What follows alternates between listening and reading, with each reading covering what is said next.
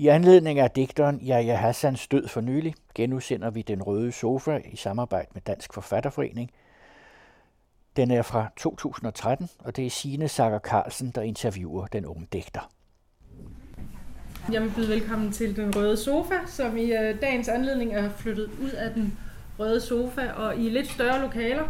Og dagens anledning, det er dig. Jeg, jeg har sådan velkommen til dig. Tak. Du har skrevet en digtsamling, på, som er udkommet på Gyldendal, og som jo har skabt utrolig meget debat og røre i pressen. Og i dag der skal vi snakke lidt om det, som har fyldt lidt mindre måske i debatten, men som til gengæld er grunden til det hele, nemlig øh, dine digte. Mm. Øh, og jeg kunne godt tænke mig at starte med at spørge dig om, hvordan du selv vil beskrive den her digtsamling, det værk, du har, beskrevet, du har skrevet. Hvad er det for en bog, der ligger her foran os? Jamen, det er jo en øh, samling digte, som først og fremmest tager udgangspunkt i mig selv og mi, mit liv, min opvækst, min barndom, mine relationer, øh, mit miljø. Og så hvordan øh, digtene arbejder er jo ret forskelligt. Nogle, eller de fleste af digtene er sådan fortællende digte, og sådan det man vil kalde knækprosa måske. Og så er der den anden halvdel af, eller sidste del af samlingen, hvor der også ja, er nogle i de sidste digt, hvor der er sådan fortællende også, men hvor jeg sådan arbejder i det, man vil kalde øh, perkerdansk måske. øh, og, og der er nogle nogle digte, som er lidt mere sprogligt orienteret, og, hvor, og lidt mere lyriske måske, og ikke, og ikke så fortællende. Yes. Øh, så det, det er jo en, en digtsamling, som ja, handler om mig, og, og hvor man kan sige, at det fortællende aspekt går på, hvad skal man sige, de, de episoder og de scenarier og de ting, jeg har oplevet, som, som jeg synes har været nemmest og bedst at fortælle øh, fortællende, altså som de er, fordi at det er jo oplevelser, og det er jo øh, scenarier, og det er øh, på, på den måde ting, som er ret konkrete, så jeg havde ikke, jeg tænkte, jo, jo mere simpelt, jo bedre, jo mere konkret, øh, jo bedre, for jeg prøvede bare ligesom at, at beskrive det som, altså selvfølgelig efter erindring og, og subjektivt selvfølgelig, men der er mange digte, der på en eller anden måde er, er meget lyriske og meget sprogligt orienteret og meget øh, gentagelser og bogstavrim og det, og det ene og det andet og, og form. Og, og det er der også noget af i, i samlingen, men, men det har været vigtigt for mig ligesom at ja, prøve at fortælle det, som jeg nu synes, det var. Men øh, jeg tænkte på, at vi skulle prøve at høre dig læse lidt højt øh, fra det, så vi ligesom kan danne os dem, der ikke har læst din digtsamling, en fornemmelse af, hvad det er for nogle digte, du har skrevet. Mm. afløser. Pusheren drager til Emiraterne. Han overlader mig røgtelefonerne og en taske med plader og vægte. Husk, når det er kottet op, så dig du er pusher, og ikke lad nogen klods på dig, junkier kommer aldrig tilbage. Men hvis nogen af de store skal bruge noget, så bare giv dem med mindre du vil have en problem. Aldrig vis, hvad du har i dine hænder. Ikke ry med kunderne og hold en frisk øje med de blå. Hvis der bliver problemer, så bare ring til Isa. Han popper en dolol og rester en smøg. Og ikke have paranoia på. Læg dine nosser i blød. Ryg en nol. Jeg er tilbage om to fredagsbønder. Han stikker mig 10 gram og siger, her har du lidt at ryge på. Når jeg kommer tilbage, du får penge. Kniven er sløv, så jeg bider, jeg vejer, jeg pakker ind. Telefonen ringer, og venner vil mødes. Den skæve skulder, de studerende, pensionisten, perkeren i forten. Neon, fætteren, luderen, misbrugeren, kom til den grønne blok nummer 23. Kom til tunnelen, kom til fakta, jeg plukker en kunde her og der. Hvem er du, spørger kurderen, jeg pusheren, siger jeg, hvad skal du bruge? Ved du, hvor jeg kan få amf? Jeg ved ikke, hvor du kan få amf, og jeg har ikke mere dol. Hvad har du så? Jeg har små noller for 100 kroner og 5 gram for 300. Dig du er bare integreret, men khalas bare giv mig for 300, jeg har absti på. Alkoholikerne sidder på bænken og betragter generationerne, og de store går rundt med steroider i humøret, og røgbilerne ruller ind og ud af området, og mullærerne går til bedehusene, panserne patruljerer, foran fakta, bag ved fakta, på vejene, på stierne, ved de hvide blokke, ved de grønne, så jeg sender kunderne over til min mors opgang, kaster klumper ud over altanen og henter sædler i postkassen. Området koger, to af de store sad i en bil, da en flok fra de fremmede blokke kom med knive og køller, slog og stak i 20 sekunder og forsvandt ind i opgangene, så nu der er møde ved fakta. Alle er samlet, de store og de små, og dem midt imellem. Skudsikre veste bliver delt ud, og spærretid for de passive om aftenen.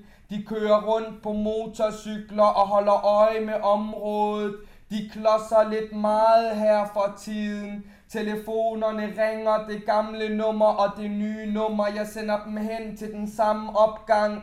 Jeg går forbi panserne, men jeg folder mine fredfyldte lokker ud og vrikker lidt med røven, og hvad med at stille noget op med de andre perker først. Kunderne tripper i opgangen, jeg giver dem det fornødne, og den gamle kunde får det nye nummer. Jeg løber tør for store klumper, går hjem efter rygsækken og cykler ud til min bagmands bagmand. Han går på knæ ved sengekanten og finder et par vakuumpakkede plader frem. Du kan bare godt her, siger han. Der er en vægt og en tang i stuen. Jeg cutter pladerne og mixer en joint af resterne. Jeg ryger den på ham og cykler tilbage. Fætter Bilal ringer, og han har fætter anden på slæb. Han stjæler cykler og sætter dem i stand og sælger dem i den blå avis. Han har stoppet med at ryge, men skal have lidt til sin lille bror. Jeg giver ham en klump, bider en fli af min egen og giver ham også den hils og pas på dig selv. Jeg går i kiosken efter smøger. Hvad så Gyllendal, Er du blevet pusher? Jeg vil ikke have syv somaliers beskidte hænder på hånden, så jeg hilser min knyttede næve mod syv somaliers knyttede næver og fortsætter ind i kiosken uden at svare. Hej forfatter, siger sheriff, han siger aldrig andet. 20 prins, tak. Hej forfatter, jeg ryger en natter i en stjålet bil med et par stykker fra området. Sætter mig ind, tænder min joint og holder hænderne i lommen. En motorcykel lyder ved den midterste blok. To elefanthuer kører imod os, kigger ind af ruden, genkender os og kører videre.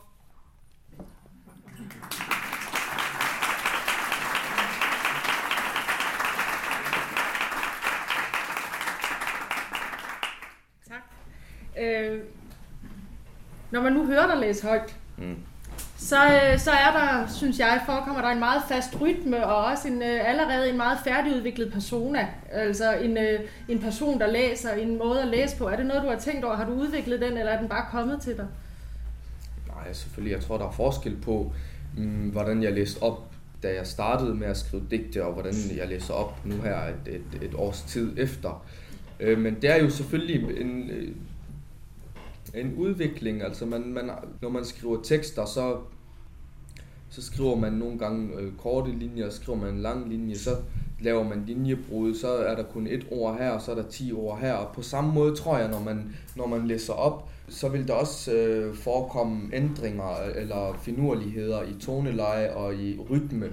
Og der er jo mange ting, som spiller ind der, eller et, et par ting i hvert fald. Og jeg startede som 12-13-årig med at lave rapmusik, og, og der er jo selvfølgelig også en, en, en, en rytme, man har derfra, eller en måde at, øh, at rappe på, og, og det er blevet blandet med, hvordan man på en eller anden måde ikke neutralt læser digte op, men, men på en måske øh, lidt mere afslappet måde, eller Samtidig med, at, at jeg også øh, holder meget af den reciterede koran, selvom man ikke skulle tro det. Ja, det, det, det har Men- jeg hørt dig sammenlignet med nogle gange. Ja, og det, og det er jo også, det er jo også, altså når jeg lytter til Koranen, så hører jeg jo selvfølgelig ordene, ikke? Jeg forstår, jeg forstår det meste af, hvad der bliver sagt, og øh, der er jo også en masse ting der, som jo ikke harmonerer med, med, med måden, jeg ser tingene på.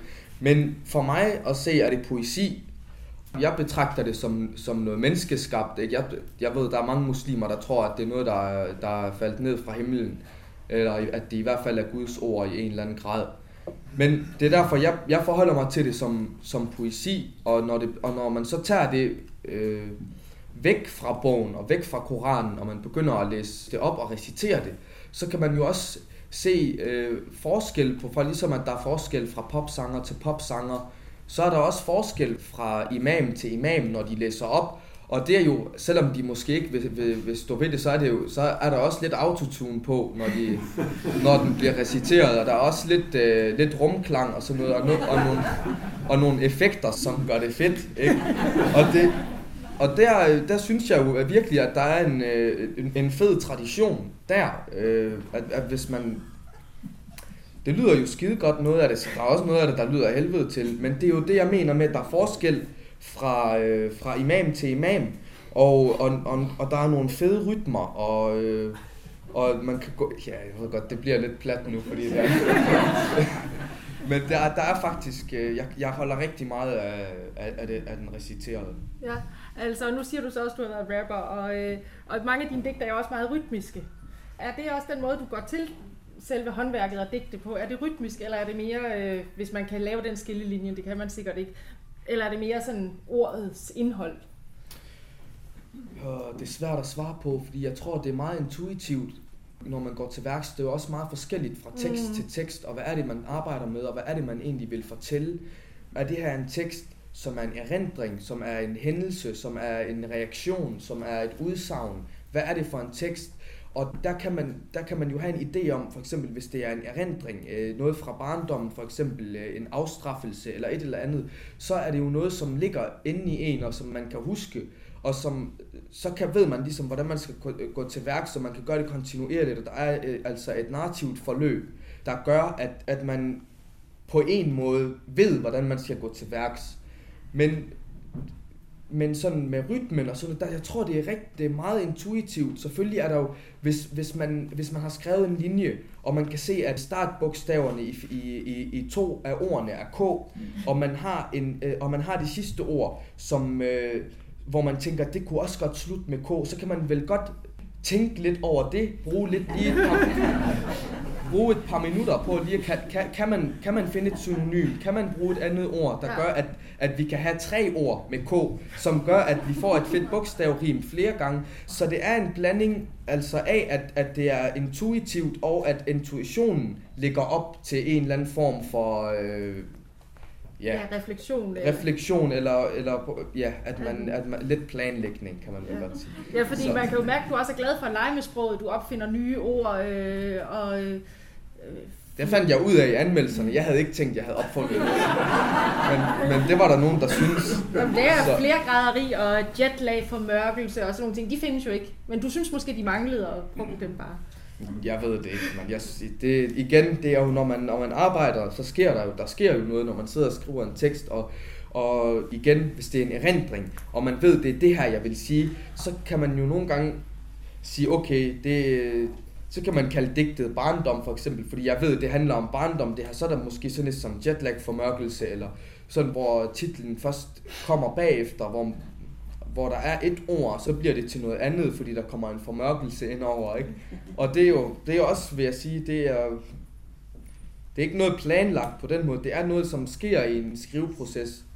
Hvad hedder det? Jeg kunne godt tænke mig lige at spørge dig lidt om selve, hvis, hvis man kan sige det, indholdet, handlingsplanen. Fordi når man læser din digtsamling fra ende til anden, altså så går det op for en, at der jo er en udvikling. Der, der er en eller anden udvikling, der beskrives. Der beskrives et kronologisk stykke liv. Nu siger du jo også, at det handler om dit liv, så, så det er jo ikke på den måde nogen overraskelse. Men jeg ved ikke, om du måske kunne beskrive for dem, der ikke har læst hele digtsamlingen, hvad det er for en udvikling, man som læser bliver vidne til, når man læser, når man læser din digtsamling. Ja, altså, da jeg startede med at skrive, det første digt, jeg skrev, er det digt, øh, der hedder Barndom, som handler om barndom, der handler om nogle af de elementer, som har, været, som har indgået i, i den barndom. Og, og det var jo ligesom det, jeg vidste. Jeg vidste alt, hvad der, var, der, hvad der lå før. Ikke? Al, alle erindringerne og alle barndommen og anbringelserne og, og den slags ting, som jo har været et forløb, som jeg vil beskrive øh, kronologisk. Så det, man, man, man er vidne til som læser, det er jo en masse barndomstekster, og, øh, og så hopper man til anbringelserne.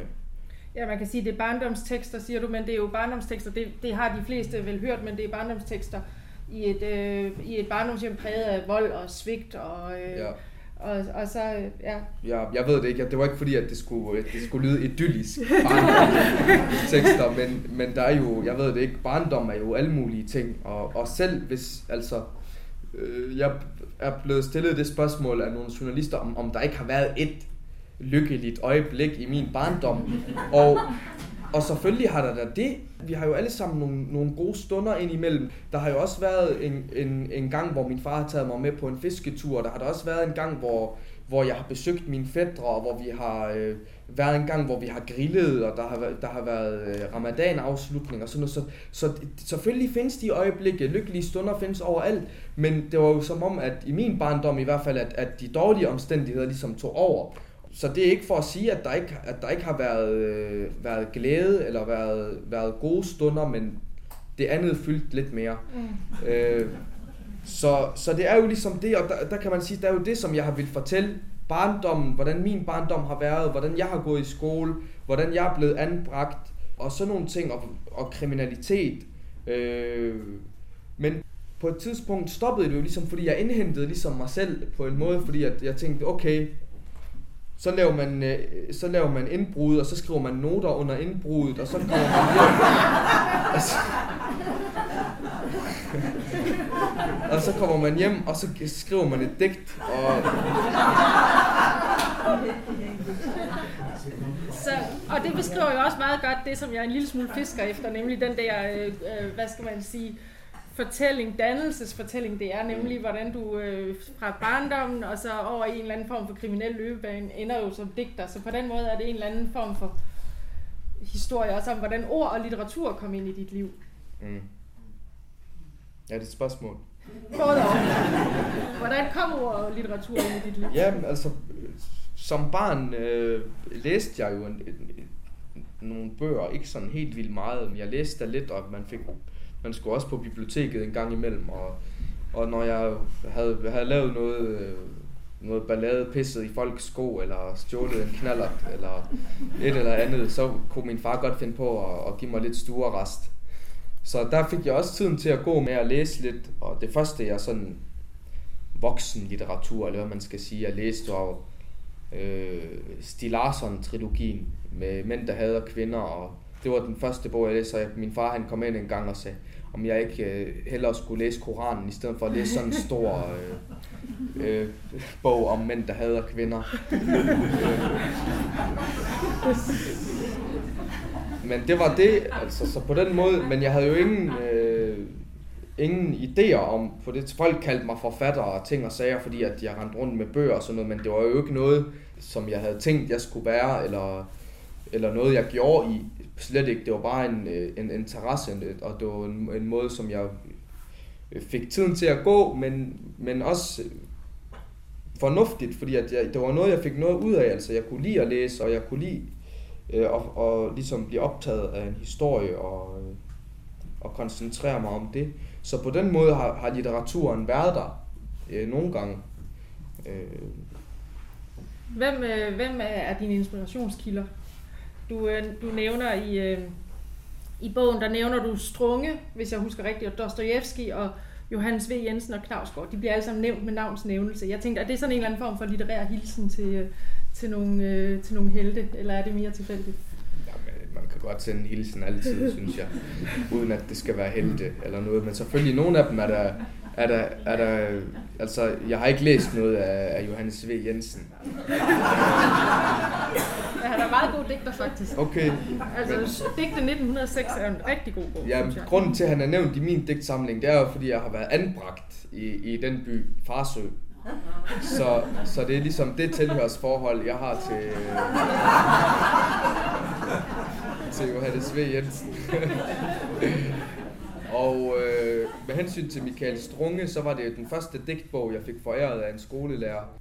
Og det er jo helt sikkert, øh, øh, øh, har Strunge der... Øh, men på, på en måde, jeg vil, jeg vil lige slå fast, Strunge har skrevet nogle helt vildt gode digte, øh, som, jeg, som jeg kan lide, men, men det er ikke, når, der er jo en masse ting, der inspirerer en, og der er også en masse ting, altså det, man bliver jo ikke kun inspireret til litteratur, af litteratur, der, for, der foregår jo også alt muligt udenom litteraturen, der foregår noget i bussen, der foregår noget i en kø i et supermarked, der foregår noget lige her, øh, og folk, der siger et eller andet, eller man læser en artikel, og så er der et ord, og hvad er det for et ord? Det kender jeg ikke. Jeg slår det op. Hey, det passer helt vildt fedt ind i det her. Så der er også, på den måde tror jeg ikke, at, at den største inspiration kommer fra litteraturen. Den kommer udefra, den kommer fra verden, den kommer fra mennesker, den kommer fra munden, der åbner Ja. sig, og lyde og musik, og alle de andre indtryk, som kommer ind på livet af en. Øhm, men den måde, som jeg ser litteraturen på, det er jo en oplevelse. Når jeg læser Michael Strunge, jeg læser et digt, så er det jo en oplevelse, jeg får. Og det er, jo, og det, er det, som litteraturen kan give en oplevelse. Og selvfølgelig kan, kan, kan litteraturen, man kan blive klogere på sig selv, man kan blive klogere på andre, man kan, øh, man kan læse øh, om øh, historiske ting, så man får øh, noget, man kalder viden og fakta. Og så noget, man kan også læse poesi, hvor, øh, hvor, det er, hvor det er sproglige finurligheder, hvor det er stemninger, hvor det er, er følelsesmæssige indtryk og udtryk. Og ja, jeg mistede lige mig selv. Jamen, det er i orden, fordi så kan jeg så spørge... Fordi nu nævnte du øh, Johannes V. Jensen, og du nævnte Strunge, men Knavsgaard har du jo i andre sammenhænge ofte nævnt som inspiration, men han skriver prosa, hvor du netop skriver poesi. Mm-hmm. Hvad, hvordan, har han udover måske har inspireret dig til et faderopgør, har jeg hørt dig sige, men øh, har han så også inspireret dig i sin måde at skrive på? Det kommer an på, hvad du mener med, med, med formen, eller, med, eller med, med, med det at skrive selvbiografisk, eller med, der er jo mange aspekter i det. Ja. Men, men Knavsgaard, han, han, det er jo det, jeg synes Knavsgaard også skriver en slags poesi.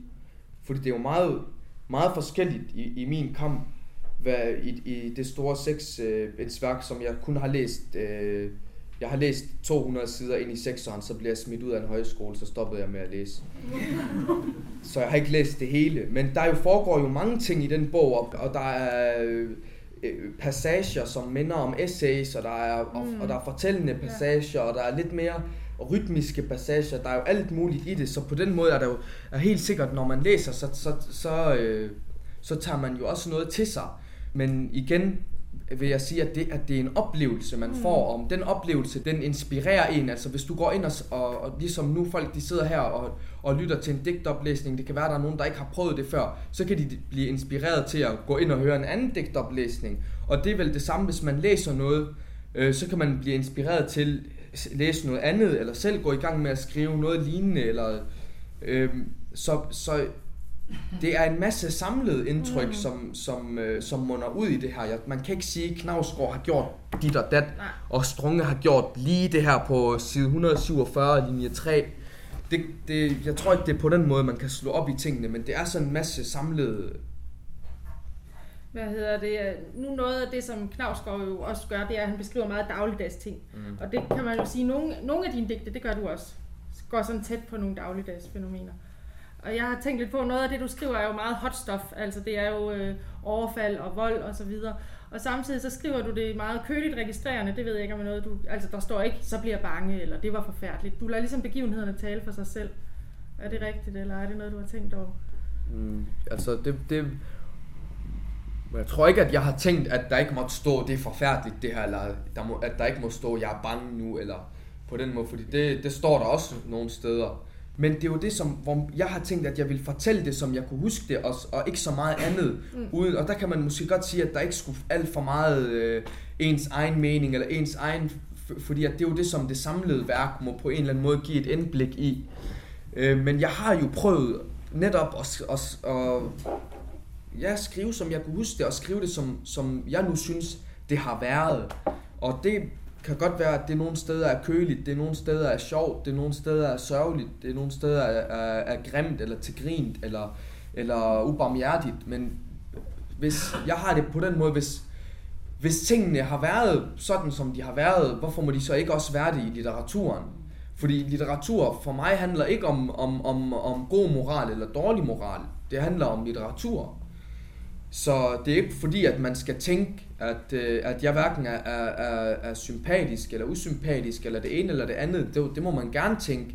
Men jeg skriver ikke det her for at få folks anerkendelse på den måde. Jo selvfølgelig enhver digter, enhver forfatter, enhver kunstner, enhver person, øh, som, som, øh, som producerer noget, vil der gerne anerkendes for det, som man laver, men det er ikke sådan en anerkendelse, som skal sige, du er i orden, du er god nok, du må gerne, det, vi kan godt forstå dig. Det, det er ikke, hvis folk synes, jeg er et svin på side 172, så er det i orden.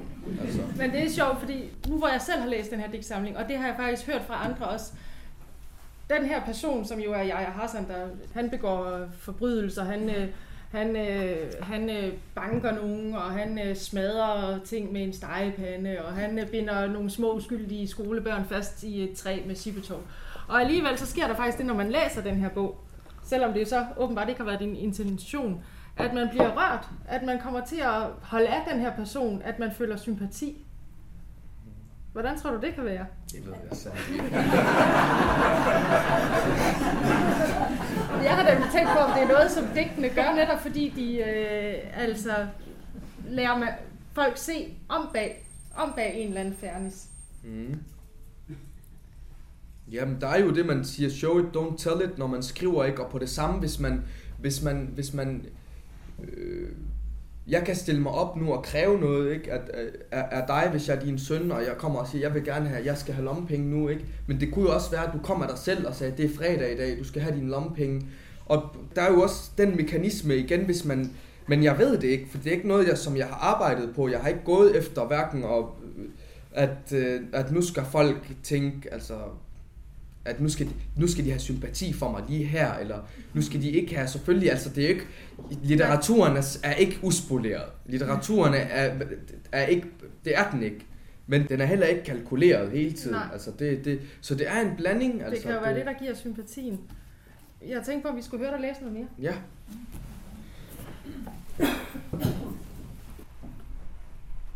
Skuffelsen.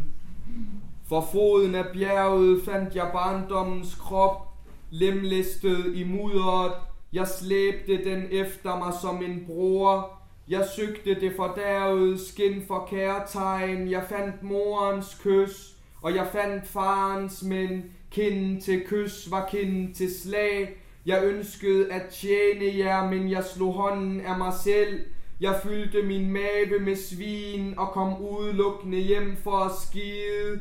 Natten bød mig intet, og mit døgn var drænet for dage. Med den levende hånd berøvede jeg årenes kontinuitet. Jeg tappede mit lem for værdighed. Jeg befamlede endnu en kvindekrop, så ihærdigt som min forlegenhed forgreb sig på min forkrøblede fremtid. Og da jeg ikke kunne bide mine fingernegle længere ned, måtte jeg tage foden i munden. Jeg løb med deres ære, for hvis broren er vantro, er søsterens mødom uredelig. Hvis moren er tildækket af farens skavanker usynlige, han flyttede stenen, men han brækkede benet. Han tog sin mors stød med sin brors. Han lavede fem børn med bitre hjerter og fandt et nyt tørklæde og lavede tre mere. Jeg løb med deres ære, og da forvandlingen skete, bed de fingrene af hinanden. De fandt frem, hvad de havde bag sig, og konfronterede dem foran sig. På randen af gråd var de, og brønden var dyb, og drømmen var størknet, så ingen ville holde deres tårer tilbage. En mund manglede, og kompensationen var et røvhul. Så hvordan vil du made din sult?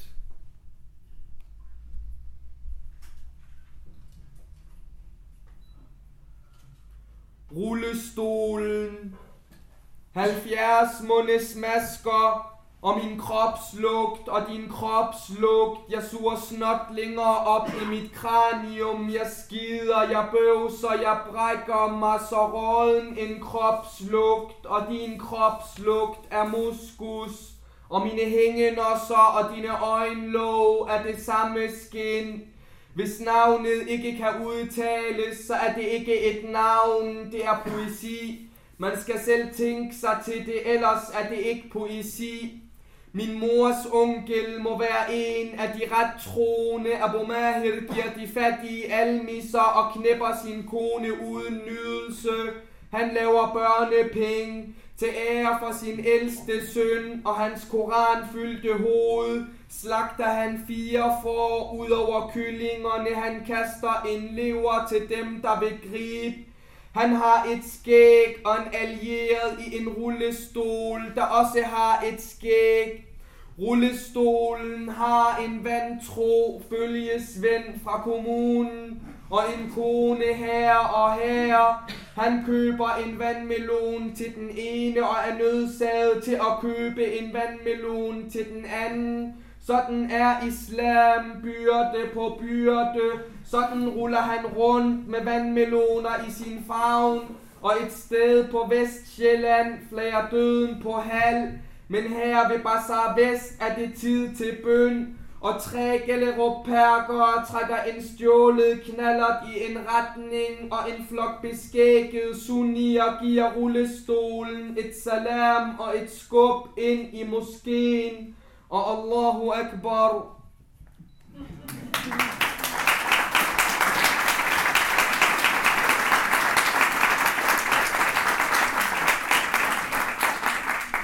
Tak skal du have. Øh, du skriver jo ind i et felt, som ikke ret mange danskere har et fuldstændig førstehåndskendskab til, men som rigtig mange har nogle fordomme, eller nogle forestillinger, eller nogle følelser lige frem, mange følelser for. Men altså meget, mange følelser, men måske ikke så meget viden. Har du tænkt over det, da du skrev det her, som jo også har været med til øh, den her opsigt, du har fået, at skrive ind i et eller andet felt, som på en gang er meget overbelyst og helt underbelyst? Mm. Jeg vidste i hvert fald godt, at der var en masse, som havde en interesse i det, og en masse, som ikke havde en interesse i det. Øh, og selvfølgelig, jeg vidste jo også godt, at, at der er jo ikke set den her slags litteratur før. Det var jo også sådan bekendt med. Selvfølgelig, der er jo nogle ting øh, i Sverige, en forfatter, der hedder Jonas øh, Hassan Kemiri, som har skrevet noget, der hedder Et øje rødt, som faktisk er skrevet i det her perkersprog hele vejen igennem. Og så, så ja, jeg vidste godt, at, at, at men jeg ved ikke, hvordan det er at, at på, på en eller anden måde at skrive om det, eller hvad, hvad, hvad det skal føre til. Fordi det har jo bare været det, som jeg havde, havde at fortælle, eller har at fortælle. Så på en eller anden måde er det også bare et vilkår. Men øh, nu hvor man øh, læser din digtsamling, som jo som vi snakkede om tidligere, egentlig også er en, en, øh, en eller anden form for dannelseshistorie med en, øh, en dreng, der vokser op i et hårdt miljø og ender som digter. Medløbende med den fortælling, synes jeg også kommer en større bevidsthed, hvor man så også forholder sig til, til den måde, man digter på. Og nogle gange er det næsten også som om, nu det digt, du lige læste højt, at der er en eller anden form for, at man skriver, at du skriver op, også den lidt forventning, man kan have til sådan, altså du skriver en stjålen knaller, der tre øh, øh, Gellerup Perker, og der er en masse fædre, og du skriver selv et eller andet sted, du tømmer en taske som en ægte perker. Som om du skriver lidt ind i de forventninger, man kunne have. Men det er jo ikke forventningen for mig. For mig er det jo bare, er det jo bare omstændigheden. Er det jo bare fakta. Det er jo sådan, det hænger sammen, at folk så er så heldige at have en forestilling om, at det rent faktisk hænger sådan sammen. Det er vel kun positivt. Så du tænker, at du egentlig øh, på en gang øh, bekræfter Øh, jeg bekræfter ikke, jeg bekræfter mig selv, jeg bekræfter det, som jeg har set, men jeg bekræfter ikke nødvendigvis, hvad alle andre har set, men hvis der er nogen, som har den forestilling, jeg kan jo ikke tage folks forestilling eller idé fra dem, eller fordom, og altså, en fordom kan også være sand, altså, det skal man ikke glemme. Hvad hedder det? Du voksede op øh, med to sprog. Det skriver du meget tidligt. I, øh, i skolen måtte man ikke tale arabisk, og derhjemme måtte du ikke tale dansk. Hvad har den øh, dobbeltsprogethed betydet for din øh, udvikling som digter og for din kærlighed til ord? hvis den har det er, betydet jo, noget. et, det er jo et privilegium, kan man sige, at der er, øh, hvis jeg ikke havde det andet sprog, som er arabisk, eller, så ville jeg ikke, så ville jeg ikke øh, ligesom gå lytte til Koranen og synes, at det var fantastisk. Øh, og, der, der, og jeg har også den, øh, altså at jeg kan, jeg kan også lytte til arabisk poesi. Jeg kan, jeg, kan, jeg, kan, jeg kan ikke selv læse det. Jeg, kan, jeg har lige lært at læse og skrive faktisk på arabisk for ikke så længe siden. Vil du skrive digte på arabisk? Øh, det kan jeg ikke. Det er, det, det, er ikke, det er mit sprog ikke godt nok til. Så, så det, det, det er helt udelukket. øh, Lige nu i hvert fald. Men, men det er jo bare en ekstra platform til at hente inspiration eller til at lytte til ting, som man, øh, som man kan lide. Øh, og, og igen med det danske, der er det jo helt de samme ting, som, som spiller ind, hvor man kan hente inspiration. Det er jo bare to platforme, vil jeg sige. Hvad hedder det? Du skriver jo øh, lydefrit og fejlfrit dansk og fantastisk smukt dansk. Og så har du så også skrevet, der er enkelte digte, blandt andet det aller sidste i øh, digtsamlingen øh, Langdigt, og så enkelte andre, som du har skrevet i det sprog, som du nu øh, selv har betegnet som perkerdansk. Ja. Øh, hvilken betydning har de, og hvorfor har du, øh, hvorfor har du gjort det? Jamen, for, i starten, fordi, at, fordi at, jeg, at jeg tænkte, at det kunne være sjovt, og fordi at jeg, øh, som jeg sagde, jeg læste den der Et øje rødt for nogle år siden af, af den her forfatter, som har skrevet den her bog i helt igennem øh, med, med det her øh, ghetto-dansk, eller perkerdansk, eller hvad vi skal sige. Jeg, det er bare, det er ikke nogen fast betegnelse, så vi bruger den kun i aften. Jeg har hørt den før. Har du det? øh, men fordi jeg tænkte, hvordan, hvordan ville det se ud i poesi? Hvordan ville det se ud i et digt? Hvordan ville det fungere i et digt? Og så også fordi, at især i det sidste langdigt, at der bliver, der, der, at, at man, jeg taler om nogen, og når du, hvis, du skal, hvis du skal kommunikere med en franskmand, så vil det jo være meget fint, hvis du kan tale fransk. Og det samme her, hvis du appellerer til, øh, til, til de her tumper, eller hvad vi skal sige, så er det jo meget fint at tale tumpesprog, så kan de i hvert fald forstå, hvad der bliver sagt, hvis de ikke, øh, hvis de ikke synes om mit fantastisk smukke dansk.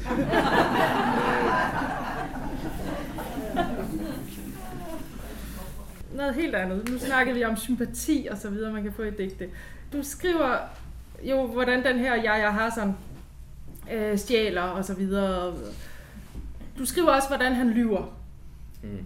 Altså, han... Øh, Ja, lad os slå op. nej, men, men han har begået kriminalitet, og så skriver han i digtene, øh, det, det, øh, det var ikke mig, og det er sandhed på det stykke papir. Så snart det står på et papir fra kommunen, så ved man, det er sandt, og så indrømmer han alligevel at have begået øh, øh, kriminalitet. Så der bliver også løjet. Omvendt så føles den, de her digte meget ærlige. Er digtenes rum et ærligt rum? Mm, Det er jo der, hvor... Digten er jo det rum, hvor, hvor jeg ligesom øh, siger det, jeg måske ikke ellers ville have sagt. Og er det også med til at... Ikke, ja, nu skal jeg lige rette mig selv. Ikke på den måde, at nu tager jeg ind, og så indrømmer jeg det hele, og så er jeg frelst. Det er ikke sådan et rum. Øh, det er mere det sted, hvor jeg føler, jeg kan være reel. Ikke om det så, om det så øh, kræver øh, en indrømmelse, eller om det kræver øh, en løgn. Det er, øh, det, det, det, men det er der, hvor jeg, hvor jeg ligesom kan gå direkte til værks og, og, og udfolde mig og udtrykke det, som jeg har inde i. Så på den måde er det jo er det der, hvor det, hvor det kommer ud. Altså, man, man indrømmer jo også alt muligt over for alle mulige andre mennesker, for sine, for sine, øh, for sine venner, eller hvis man har gjort et eller andet, ikke, der ikke var så pænt. Man kan også lyve om det, man kan også bare skrive det i sin dagbog og gemme den væk, indtil der er en eller anden, der finder den, eller man kan udgive det. øh, Men uh, det er også med til at skabe uh, trangen til at digte, kan man sige, og få et eller andet form for ærligt rum. på en måde, kan man godt sige det, men det er ikke udelukkende det, fordi som jeg siger, det er jo der, hvor jeg kan være reel, og det er jo det, jeg har haft behov for at fortælle min historie. Og, og hvis, hvis jeg skulle fortælle min historie, der er den historie, som ligger uden for litteraturen, uden for den her bog. Det vil ikke give mening at lyve i bogen, fordi så vil jeg jo ikke kunne fortælle det, som jeg vil fortælle. Løgnen, den fungerer fint i virkeligheden, fordi den er, den er ganske reel, som du siger. Der står på et stykke papir fra politiet, at sigtelsen er frafaldet, og at det ikke er mig. Så er det heller ikke mig i virkeligheden. Det er sådan, verden fungerer. Men, men i digtet, der, der skal der en anden virkelighed til. Der skal der en, der skal der en anden tilgang til, og en anden, øh, måde at, at betragte det på, fordi jeg lyver jo også i digtet, som du siger, samtidig med, at jeg påtager mig skyld. Så det er, en, det, det er virkelig øh, tvetydigt. Hvad hedder det? Det får mig så til at stille et lidt uh, tricky spørgsmål, hvis man kan kalde det det. Men altså, her der har vi uh, en, uh, en, en uh, bog, en digtsamling, der er skrevet af Yahya Hassan. Og øh, navnet på digtsamlingen er også Yahya Hassan. Og så sidder der her en person, der også hedder Yahya Hassan. Hvor, hvor er grænsen mellem de tre? Der er ikke nogen grænse, altså. Er det den samme? Eller... Jo, som sagt, altså, jeg har ikke, der er ikke så meget rafle om. Det er, det er jo, altså, altså, det er jo, det tager jo udgangspunkt i mig selv. Jeg har jo skrevet det her som, hvis man kan sige, altså, ja, ikke en selvbiografi, fordi det er det ikke på den måde. Det er poesi, og det er, men det er jo selvfølgelig ting, som, det er jo, det er jo øh, lad os sige, en selvbiografi i poesi, altså. Så det er jo, jeg tager jo udgangspunkt i mig selv, det er jo meget, det drejer sig om, og det er det hele vejen igennem. Jeg har ikke, øh, jeg har ikke behov for at sige, det er ikke mig, øh, som, som laver det knæk, det er ikke mig, der lyver der, det er ikke mig, der, det er mig, og der er ikke så meget at gøre, altså sådan har jeg været, og hvis tingene hænger sådan sammen, så hænger de altså sådan sammen. Så der er igen en eller anden form for ærlighed, kan man sige, der er sådan... Øh... Ja, ja, altså, jeg skal også i retten her snart. Det er ikke sikkert, at jeg er lige så ærlig der. øh, men øh, det er forskelligt. Det kommer an på, hvor man skal udfolde sig. Hvis man skal udfolde sig i sin egen bog, ligesom nu sidder jeg her. Der, der ikke sidder ikke en dommer Christoffersen og skal vurdere mig. Der sidder bare et grinende publikum. Det er dejligt. Det er ikke så, jeg kan jo sagtens sidde og fortælle ærligheder her. Det er jo ikke så konsekvensfyldt. Så igen, hvor man hen, hvem skal man fortælle det til, og hvad er det, det går ud på. Det her det er så til alle dem, der har lyst til at læse, men det er også, øh, det er bare min historie. Jeg kan ikke sige så meget. Hvad hedder det? Øh, jeg, jeg tænker lidt, når jeg læser den her, at den også handler om at finde hjem. Det ved jeg ikke, om du, altså, du skriver på et tidspunkt, øh, at du vil sige til din bror, tag hjem, hvor det så end er. Det er som om, der er en eller anden søgen efter at finde et ro. Du oplever en splittelse i et, øh, et hjem, hvor dine forældre bliver skilt, og du bliver tvangsfjernet. Der er i det hele taget sådan... Jeg tror mere, det er, for, sådan som jeg ser det, at man, at, at man ligesom bare resignerer med, at der ikke er noget, der hedder hjem. For det er der ikke for mit vedkommende, hvis man ser på nationalitet og sådan noget, så er jeg jo, så er jeg jo, er jo så er jeg jo dansker i mit pas, så er jeg palæstinenser, øh, fordi mine forældre er, er palæstinenser, men hvem er de palæstinenser? De, de har aldrig været i Palæstina, de voksede op i en flygtningelejr i Libanon. Hvad er de? Er de øh, altså, hvilket... Det her er jo ikke mit land, det er mit sprog, det er sådan, jeg forholder mig til det. Jeg forholder mig ikke til, til, til Danmark øh, med, med, med nationalfølelse, jeg forholder mig til det med sprog. Det er mit sprog, det er et sprog, som jeg har og det er sådan, jeg, jeg ser det. Jeg, det er ikke så meget med, om, om jeg er, øh, hvad jeg er. Det er, der, jeg, det er det sprog, jeg udtrykker mig i. Men, men det er jo også det, det ved jeg ikke, om det så er sådan en lidt lykkelig slutning, jeg godt kan lide at læse ind i det. Men jeg føler jo, at der et eller andet sted findes et hjem, fordi du finder hjem i dine digte. Det ved jeg ikke, om man kan sige på den måde. Det kan man sagtens sige, tror jeg. Altså, at man, at, at selvfølgelig, det er jo det, jeg gør nu. Nu skriver jeg digte, og det, og det er jo det, jeg kan lide at lave, og det er det, som, som ligesom øh, bevæger sig ind i mig. Så, så det er da helt sikkert at finde hjem på en måde, men jeg tror, hvis det skulle være sådan en destination, eller med, med, som du nævnte før, med at man er vokset op, og forældrene er skilt, og så bor man der, og institution. Og på, jeg tror ikke, at, at, at, at, at, at destinationen er, er, er geografisk øh, bestemt, eller... Så et hjem, det kan være et andet sted end... Øh... Jamen, det er vel der, hvor man, hvor man litteraturen er sgu også ulidelig nogle gange. Så, så, der, så kan man jo også, altså, hvis man er hjemme, og man, man får nok af sine kvadratmeter og, og, og, og, og nyhederne og kaffen, så går man vel bare ud og går en tur, og så vender man tilbage. Og hvis man sidder og skriver et digt, som man, øh, man er for træt, man overgår ikke, man er gået død i det, åh oh, nej, skal jeg til at indrømme det her nu? Så kan man jo også bare lukke computeren ned, eller dagbogen, eller hvad det man har gang i, og så, og så lade det være, altså, og så komme tilbage. Så hjemme er vel der, hvor man, hvor man, hvor man føler sig tilpas lige i, i det øjeblik, hvor man er, hvor man er. Ja, det blev fandme... Ja, det var helt... Det var rigtigt. Hvad hedder det? Her til sidst vil jeg godt lige... Du skriver blandt andet i det her sidste langdigt, der beskriver du den her splittelse mellem på den ene dag at skulle ringe til en redaktør og have cowboybukser på, og måske være til digtsamling mm. eller oplæsning med folk, der griner, og den anden dag at skulle mødes med Hæler Hassan og have joggingbukser på, og ligne, som du selv beskriver det, en, en rigtig fætter. den, øh, den, det er jo selvfølgelig en, øh, en, øh, hvad skal man sige, en eller anden form for splittelse i miljø. Hvordan oplever du den? Jeg ved ikke, om det er en splittelse, fordi vi kan altid godt lide at, at, at skille tingene ad og separere dem, men hvorfor er det ikke noget... Altså, som sagt, de, tingene kan gå ind over hinanden. Altså, det må være to, det må være to elementer, eller to omstændigheder, eller to faktorer, som, som ikke nødvendigvis øh, fungerer i samme miljø og på samme tidspunkt, men som fungerer fint hver for sig. Altså, øh, det vil ikke være, hvis, hvis man skal i skoven, så, så tager man sin fjeldrev på, og hvis man, øh, hvis man skal til fest, så, så, så, tager man, øh, så tager man en kjole på, eller nogle fine bukser. Og det, og det er vel det samme, altså når jeg hvis jeg har været ude og lave indbrud, så har jeg selvfølgelig haft joggingbukser på. Altså, og, hvis, og hvis jeg har været til møde med min redaktør, så har jeg da, så har jeg da taget mine stramme cowboybukser på. Altså, sådan er det. Men, øh, det forstår jeg godt.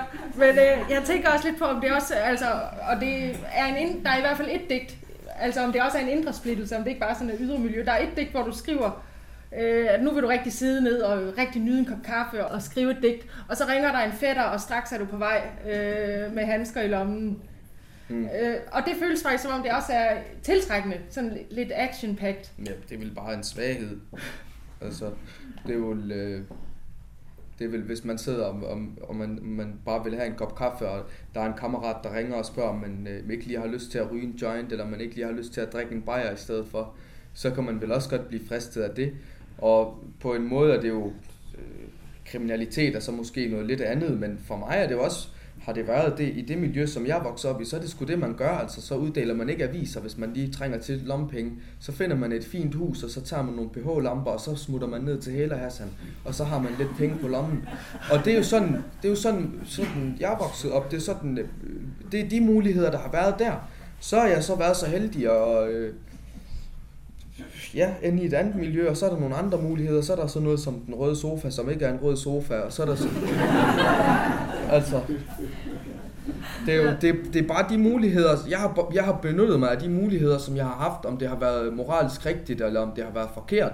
Så har jeg, så har jeg jo bare tænkt på, hvordan jeg bedst uh, slapper afsted med tingene. Og hvis jeg skulle til, til en fest, eller jeg skulle bruge lidt penge, fordi nu vil jeg gerne på ferie eller et eller andet, så har det da været smart for mig lige at, at, at, at lave indbrud, eller stjæle en bil, eller et eller andet. Det var, den, det var sådan, jeg kunne tjene penge. Selvfølgelig kunne jeg også godt øh, øh, gå, gå med aviser, eller få mig et anstændigt job. Men, øh, men, men hvorfor, hvorfor dog det? Ja, hvad hedder det? Men nu er der jo i hvert fald sket noget, øh, fordi ligesom du har digtet om dit liv, så er digtningen jo også kommet ind i dit liv på en anden måde. Øh, du har fået en enorm succes, så, øh, så du har jo i hvert fald på en eller anden måde kommet ud til arrangementer, og PET er her, og der er sket alt muligt i dit liv efter dine digte. Så nu kan det være, at der ikke er så meget brug for Hæler Hassan. Ja, det, det tror jeg heller ikke, der er for. Og Hæler Hassan er også lidt sur på mig, vil jeg gerne.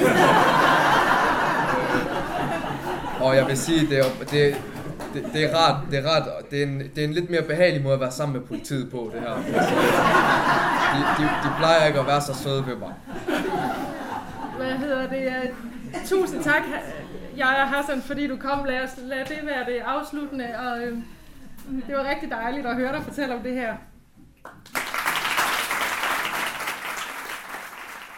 Det var Signe Sager Carlsen, der interviewede Jaja Hassan i Den Røde Sofa, en udsendelse fra 2013.